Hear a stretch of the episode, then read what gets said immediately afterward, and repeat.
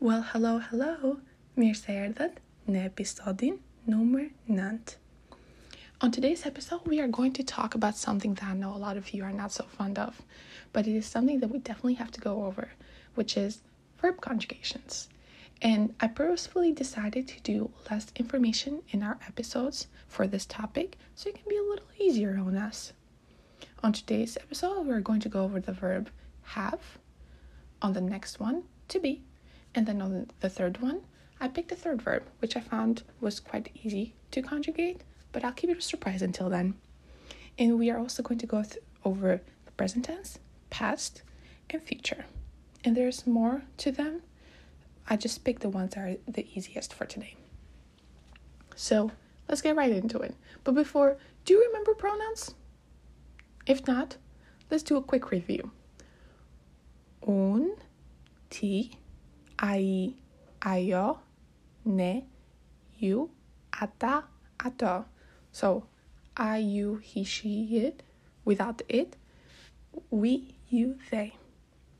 Now, when conjugating the verb, I will first go over it with just the verb, and the second time with the pronouns. All right, let's get right into it. First, the conjugation of the verb have in the present tense without the pronouns. Kam, ke, ka. Kemi, keni, kan. Not too bad, right? Now with the pronouns. Un, kam. Ti, ke. Ai, ajo ka. Ne, kemi. Ju, keni. Ata, ato, kan. So, I have, you have, he, she, it has. We have, you have, they have. Last time, but a little faster. Un kam ti ke ai ajo ka. Ne kemi, ju keni, ata to kan. Good job. Just went over the conjugation of the verb have in the present tense. Now for the past tense, and this is the one where the action has fully ended. And it's quite interesting how this one is put together because we're just going to say the same thing we just did for the conjugation of the verb have in the present tense, but we're going to add the second part to it, which is pasur. Pasur. So it's going to sound something like this. Kam pasur, I have had. Ke pasur, ka pasur. Kemi pasur, keni pasur, kan pasur. How was it? Let's do it another time with the pronouns.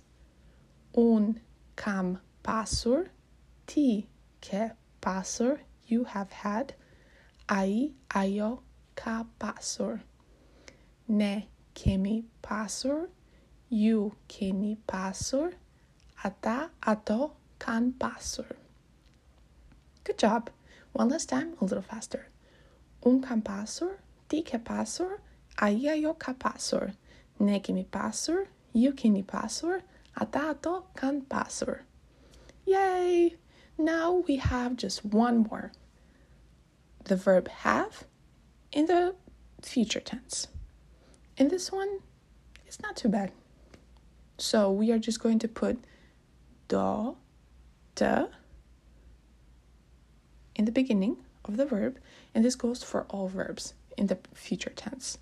And then we are going to conjugate the verb have in this case. So, de kem, do de kesh, de ket, de kemi, keni, do de ken.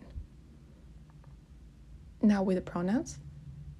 Un do të kem, ti do të kesh, ai ajo daughter ket, ne do të kemi, ju daughter keni, ata do dotter ken. Which in English translates to I will have, you will have, he, she, it, without it, will have.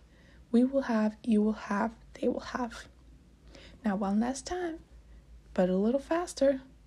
Un do të kem, ti do të kesh, ai ajo do të ket. Ne do të kemi, ju do të keni, ata ato do të ken. Yay! You finished today's mini episode and you did amazing. Now, feel free, as always, to play it back as many times you need until you feel confident with this new information.